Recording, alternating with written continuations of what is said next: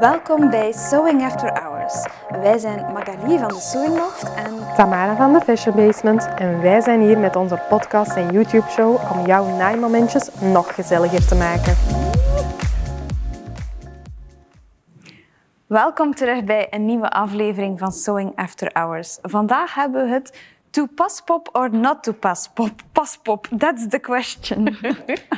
Ja, dat is echt een heel veelgestelde vraag. Hè. Ik Ja. zie die heel vaak in de DM's passeren van eh, ik wil een paspop kopen, waar moet ik op letten? Is dat de moeite? Waar raad je aan? Dus eh, we dachten een woordje uitleg.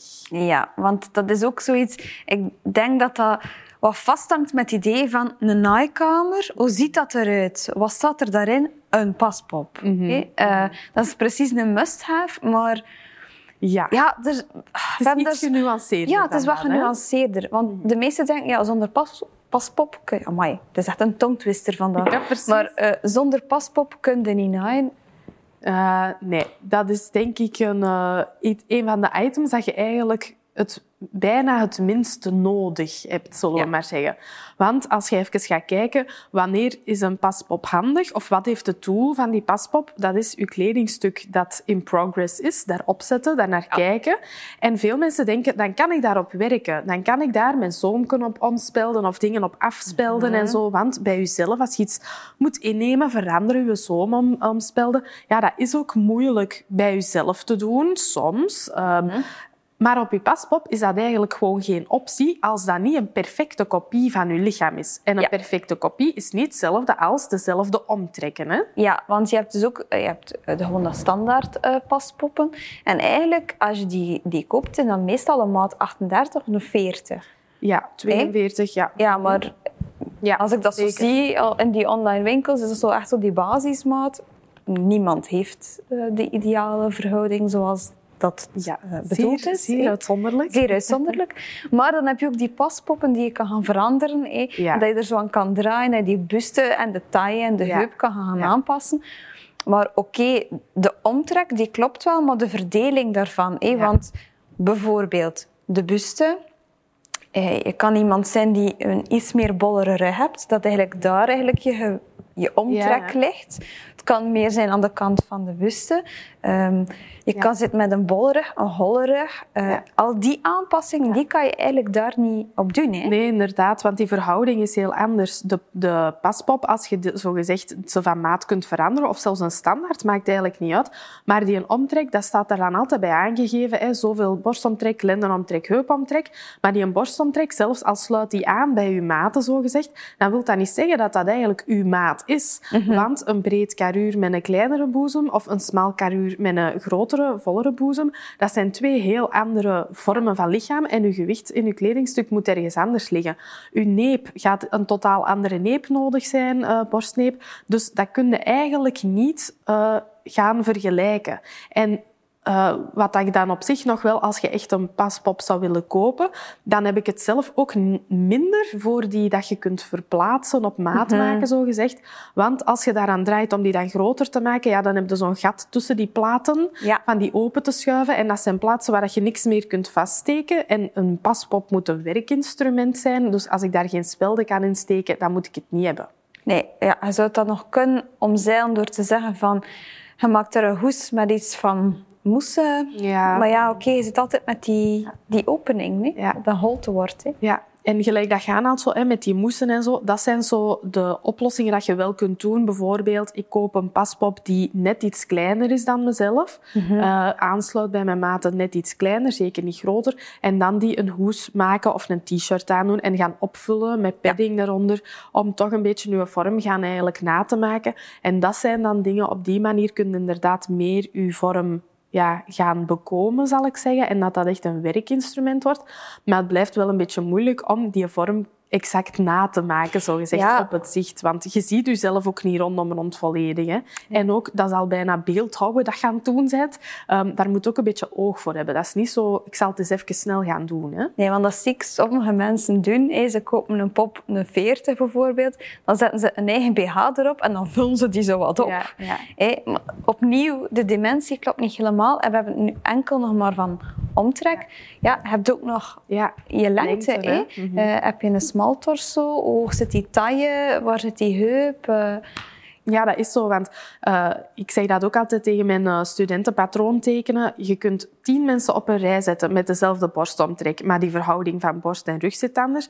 Maar je kunt ook tien mensen op een rij zetten met dezelfde lichaamslengte, maar die rughoogte, dus de afstand tot de taille, maar ook de, de heuphoogte, de afstand tussen taille en heup, en evengoed um, de broeklengte, de zijlengte zogezegd, die zijn allemaal anders bij die tien mensen, ook al zijn die allemaal exact even groot in totaal. Je hebt niet diezelfde verhoudingen. Dus dat is toch wel ja, een belangrijke eigenlijk.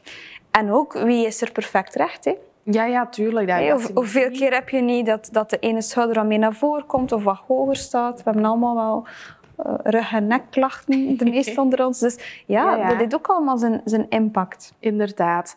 Nu, we zijn dan uh, het goed aan het hebben over waarom is een paspop niet goed. Ja, ja waarom is die wel, allemaal goed? ja, ja, we hebben allemaal dus, in. Dus waarom hebben we die dan wel?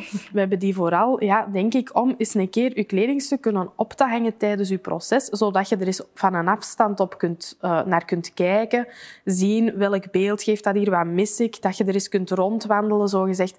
Dat zijn dingen waarvoor dat het wel handig kan zijn, maar als echt werkinstrument toch minder. Hè? Mm -hmm. Ja, je zou het ook nog kunnen gebruiken als je bijvoorbeeld een rok maakt volledig in schuindraad. Die moet toch, toch liefst een dag of twee dagen ja. wat uithangen voordat ja. je hem zoomt. Nu, je kunt dat ook op een kapstok. Hè. Tuurlijk, dame. Dat is maar, wel leuk als je dat Het is een hebben ding, hè? ja. Is dat hier ook zo schoon? Hè? Ja, ja, tuurlijk. Hier in de studio hebben we er ook eentje gezet, want dat hoort wel ja, een beetje bij ons vak, zo gezegd. Um, ik denk gewoon dat je je beeld daar rond een beetje uh, kunt ja, ja, bijstellen, is misschien fout uitgedrukt, mm -hmm. maar ik bedoel vooral uh, een zoom ommaken op een paspop, uh, hem daar ophangen en dan gaan afspelden, dat is een slecht idee. Ja. Want die paspop heeft niet uw holle rug of uw volle poep of uw platte poep of uw buikje. Die zoom hangt anders op die paspop dan dat dat op uw lichaam hangt. Dus je kunt, het is een nee. utopie om daar je zoom op om te maken. Ja, en het ogenblik dat je hem dan aandoet, dan merk je dat hij toch... Ja. Ja. een schone bocht maakt van onder en dan zeg je, hoe kan dat nu toch? Ik heb dat toch zo schoon afgespeld op die pop. Nope. Er zijn natuurlijk manieren ja. om poppen te maken op uw eigen lichaam eigenlijk een perfecte kopie. En dan wordt het interessanter, want dan Ja. kun je effectief wel gaan daar dingen ophangen om ehm, af te meten, op te werken, aan te passen, lengtes te bepalen. Maar ook wel, en dat is ook iets dat ik vaak merk, om op gaan te mouleren en draperen. Ja, want dat dat ging ik zijn- zeggen met die pop, dat, dat, dient, dat dient Ja. daar toch hoofdzakelijk voor. Hè? Ja. Dat is ook de reden waarom dat al die lijnen op Ja. afgetekend zijn, Mhm. zodat je een beetje referentiekader hebt om te kunnen eh, gaan Ja. modelleren, Hè? Inderdaad. En dat zijn natuurlijk technieken waar dat de meeste hobbynicers niet zo mee vertrouwd zijn. We vertrekken vaak vanuit een patroon en heel veel, veel professionele nicers ook. Hè. Maar draperen, mouleren is natuurlijk een hele leuke techniek om eh, eh, ja, zelf ook mee aan de slag te gaan om een patroon te creëren en die een drapage erin te krijgen. Maar dan is het wel heel belangrijk, ja, dat moet op uw exacte lichaam. Want als je dat doet op een paspop in een standaardmaat, ja, dat gaat u niet passen. En aan zo'n patroon beginnen gaan dingen nameten en aanpassen, ja, dat is... Nee, daar zou ik zeggen, dat, mm, ja, niet zo handig, om het zacht uit te drukken. Ja, en om terug te komen op een paspop maken op je maat. Ik denk dat we allemaal dat al gezien passeren hebben op Pinterest. Hè. Dat is vaak een t-shirt dat aangedaan wordt en dan zo'n duct tape erop. En dan wordt dat een beetje opgevuld. Maar we weten het allemaal, eh, die duct tape en die t-shirt, dat valt Eh, hoe mooi blijft dat? Er zijn er eigenlijk nog veel mooiere technieken voor. En een tijdje terug zag ik dat ook links en rechts wel over passeren. Er zijn ook bedrijven gespecialiseerd om je 3D in te gaan scannen, om daar een paspop van te maken. Amai.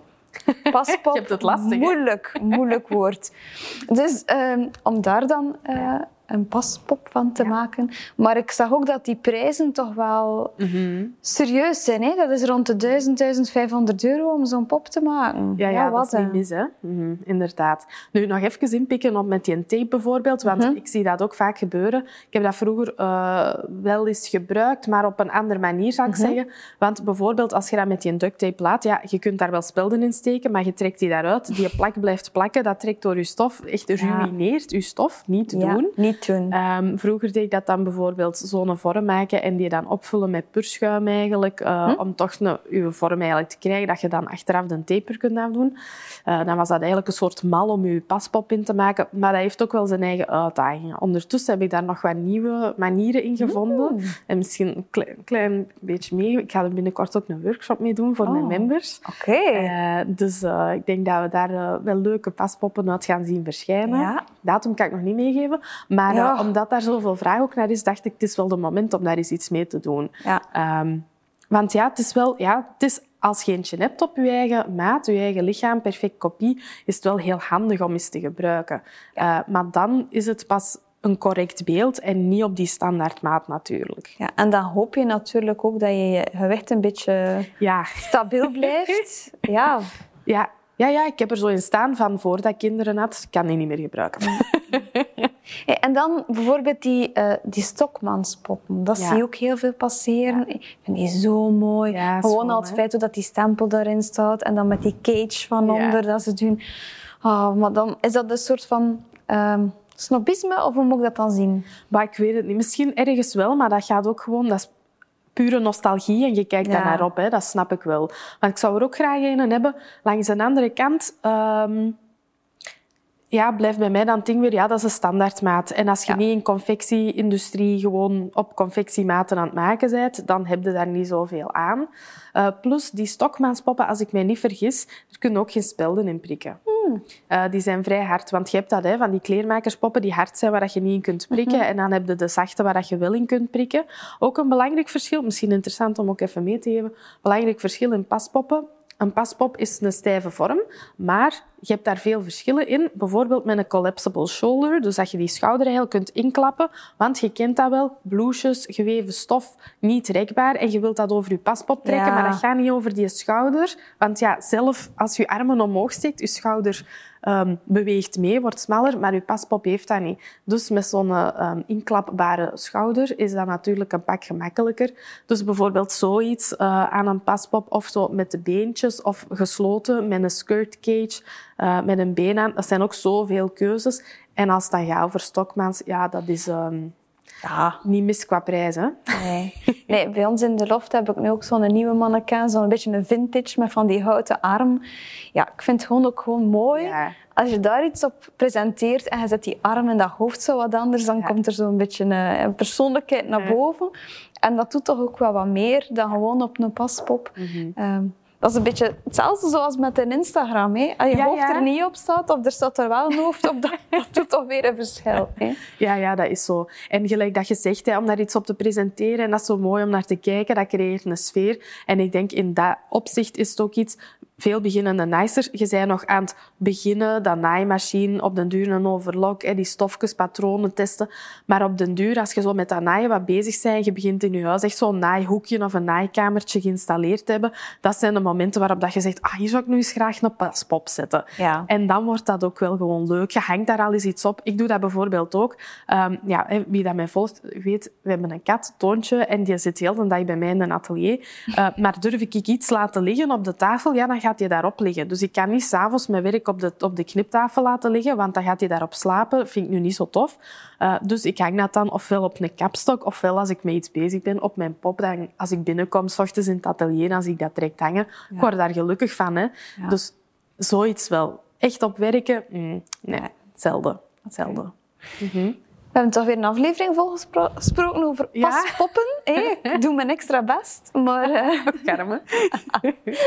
dus, ja. Uh... Leuk om te hebben. Ja. Nodig. Niet per se. Um, maar op maat. Er zijn mogelijkheden en dan wordt het een werkinstrument pas. Ja, om af te sluiten. Zo, tot volgende week alweer voor een uh, nieuwe aflevering.